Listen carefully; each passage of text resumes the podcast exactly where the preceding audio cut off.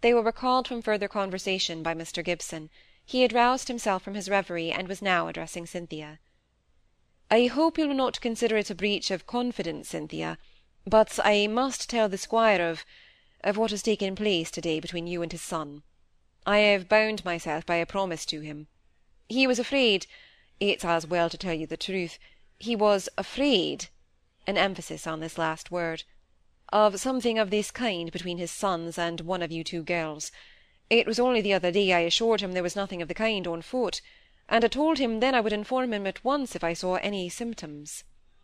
Cynthia looked extremely annoyed. It was the one thing I stipulated for secrecy. But why? said Mr. Gibson. I can understand your not wishing to have it made public under the present circumstances, but the nearest friends on both sides. Surely you can have no objection to that. Yes, I have, said Cynthia. I would not have had any one know if I could have helped it.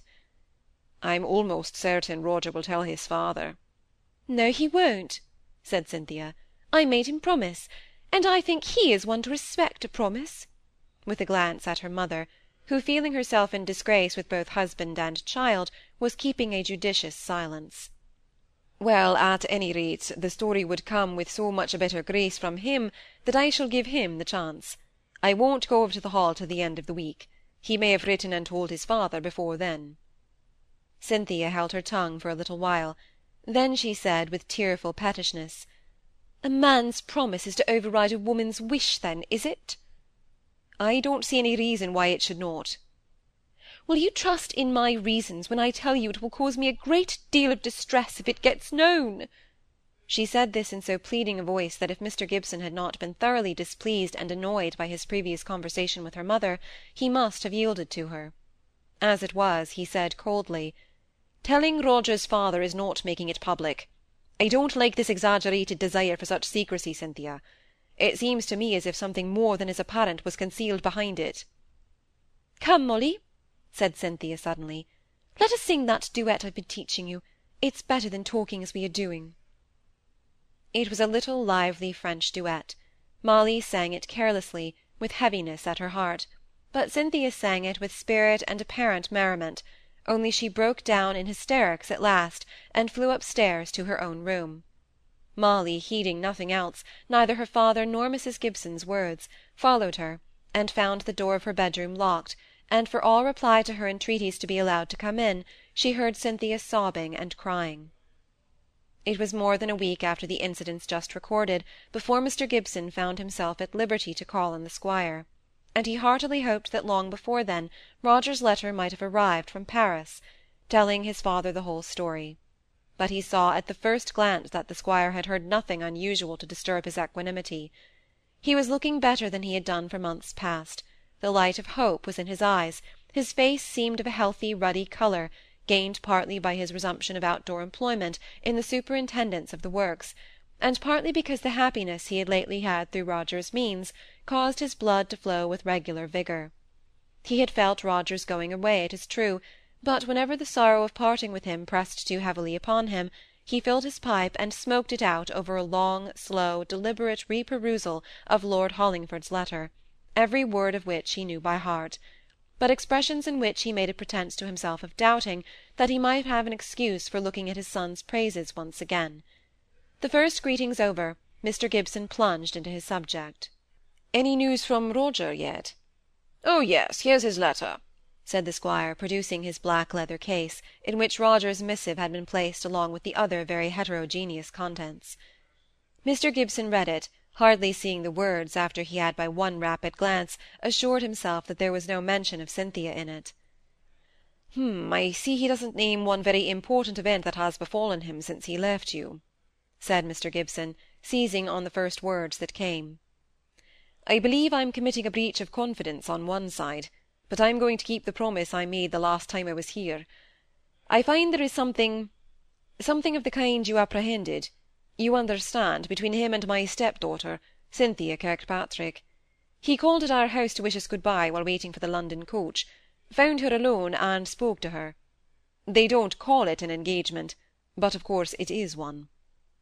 Give me back the letter, said the squire in a constrained kind of voice. Then he read it again, as if he had not previously mastered its contents, and as if there might be some sentence or sentences he had overlooked. No, he said at last, with a sigh, he tells me nothing about it. Lads may play at confidences with their fathers, but they keep a deal back. The squire appeared more disappointed at not having heard of this straight from Roger than displeased at the fact itself, Mr. Gibson thought. But he let him take his time. He's not the eldest son, continued the squire, talking as it were to himself, but it's not the match I should have planned for him. How came you, sir, said he, firing round on Mr. Gibson suddenly, to say when you were last here that there was nothing between my sons and either of your girls? Why, this must have been going on all the time. I'm afraid it was, but I was as ignorant about it as the babe unborn. I only heard of it on the evening of the day of Roger's departure. And that's a week ago, sir. What's kept you quiet ever since? I thought that Roger would tell you himself. That shows you've no sons. More than half their life is unknown to their fathers. Why, Osborne there, we live together, that's to say we have our meals together, and we sleep under the same roof, and yet well, well, life is as God has made it. You say it's not an engagement yet? But I wonder what I'm doing, hoping for my lad's disappointment in the folly he set his heart on, and just when he's been helping me. Is it a folly, or is it not? I ask you, Gibson, for you must know this girl. She hasn't much money, I suppose? About thirty pounds a year, at my pleasure during her mother's life.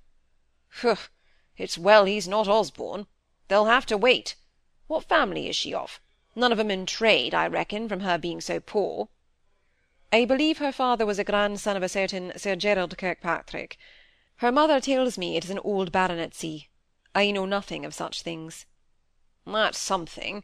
I do know something of such things, as you were pleased to call them. I like honourable blood.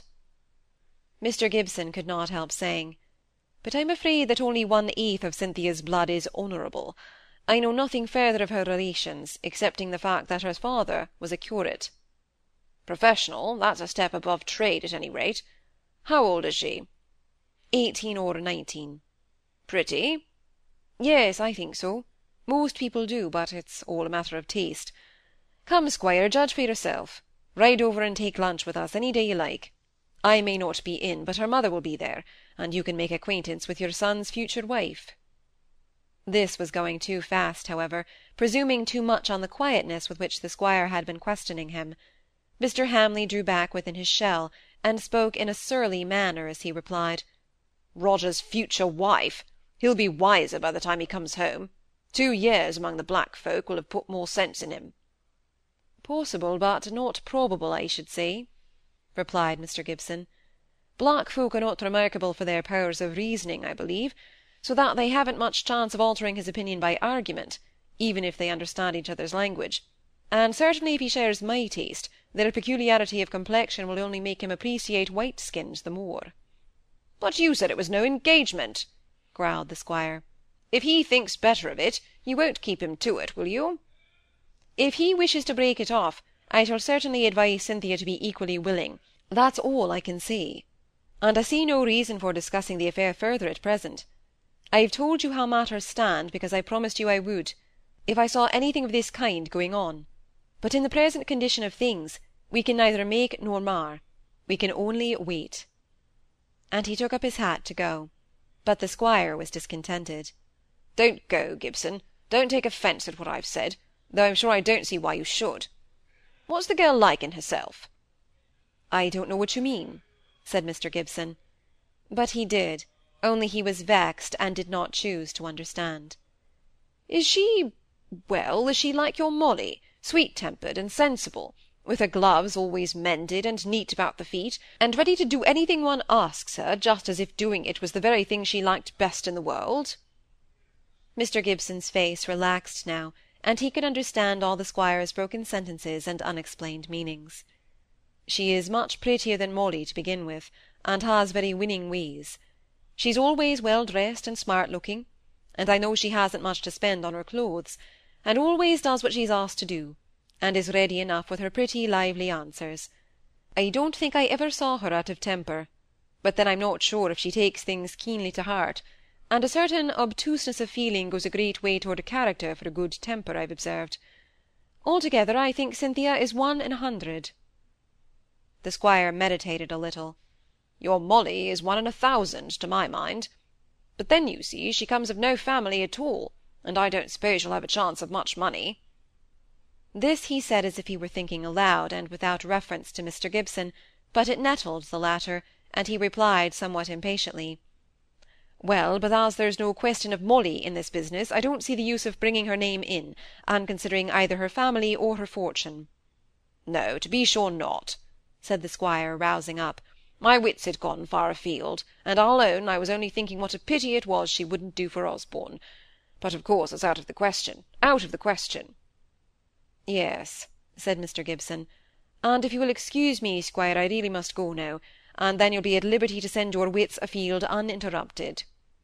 This time he was at the door before the squire called him back. He stood impatiently hitting his top boots with his riding whip, waiting for the interminable last words. I say, Gibson, we're old friends, and you're a fool if you take anything I say as an offence. Madam, your wife and I didn't hit it off the only time I ever saw her. I won't say she was silly, but I think one of us was silly, and it wasn't me. However, we'll pass that over. Suppose you bring her and this girl Cynthia, which is as outlandish a Christian name as I'd wish to hear, and little Molly out here to lunch some day. I'm more at my ease in my own house, and I'm more sure to be civil too. We need say nothing about Roger neither the lass nor me, and you keep your wife's tongue quiet if you can. It will only be like a compliment to you on your marriage, you know, and no one must take it for anything more. Mind, no allusion or mention of Roger in this piece of folly. I shall see the girl then, and I can judge for myself; for, as you say, that will be the best plan. Osborne will be here too, and he's always in his element talking to women. I sometimes think he's half woman himself, he spends so much money, and is so unreasonable. The squire was pleased with his own speech and his own thought, and smiled a little as he finished speaking. Mr. Gibson was both pleased and amused, and he smiled too, anxious as he was to be gone. The next Thursday was soon fixed upon as the day on which Mr. Gibson was to bring his womenkind out to the Hall. He thought that, on the whole, the interview had gone off a good deal better than he had expected, and he felt rather proud of the invitation of which he was the bearer. Therefore Mrs. Gibson's manner of receiving it was an annoyance to him. She meanwhile had been considering herself as an injured woman ever since the evening of the day of Roger's departure. What business had any one to speak as if the chances of Osborne's life being prolonged were infinitely small, if in fact the matter was uncertain?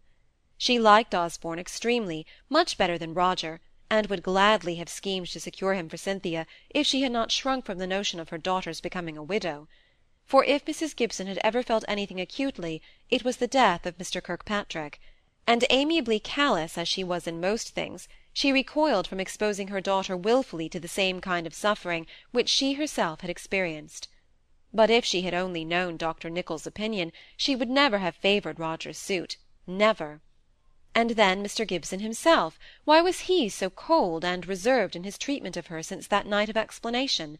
She had done nothing wrong yet she was treated as though she were in disgrace and everything about the house was flat just now she even missed the little excitement of roger's visits and the watching of his attentions to cynthia.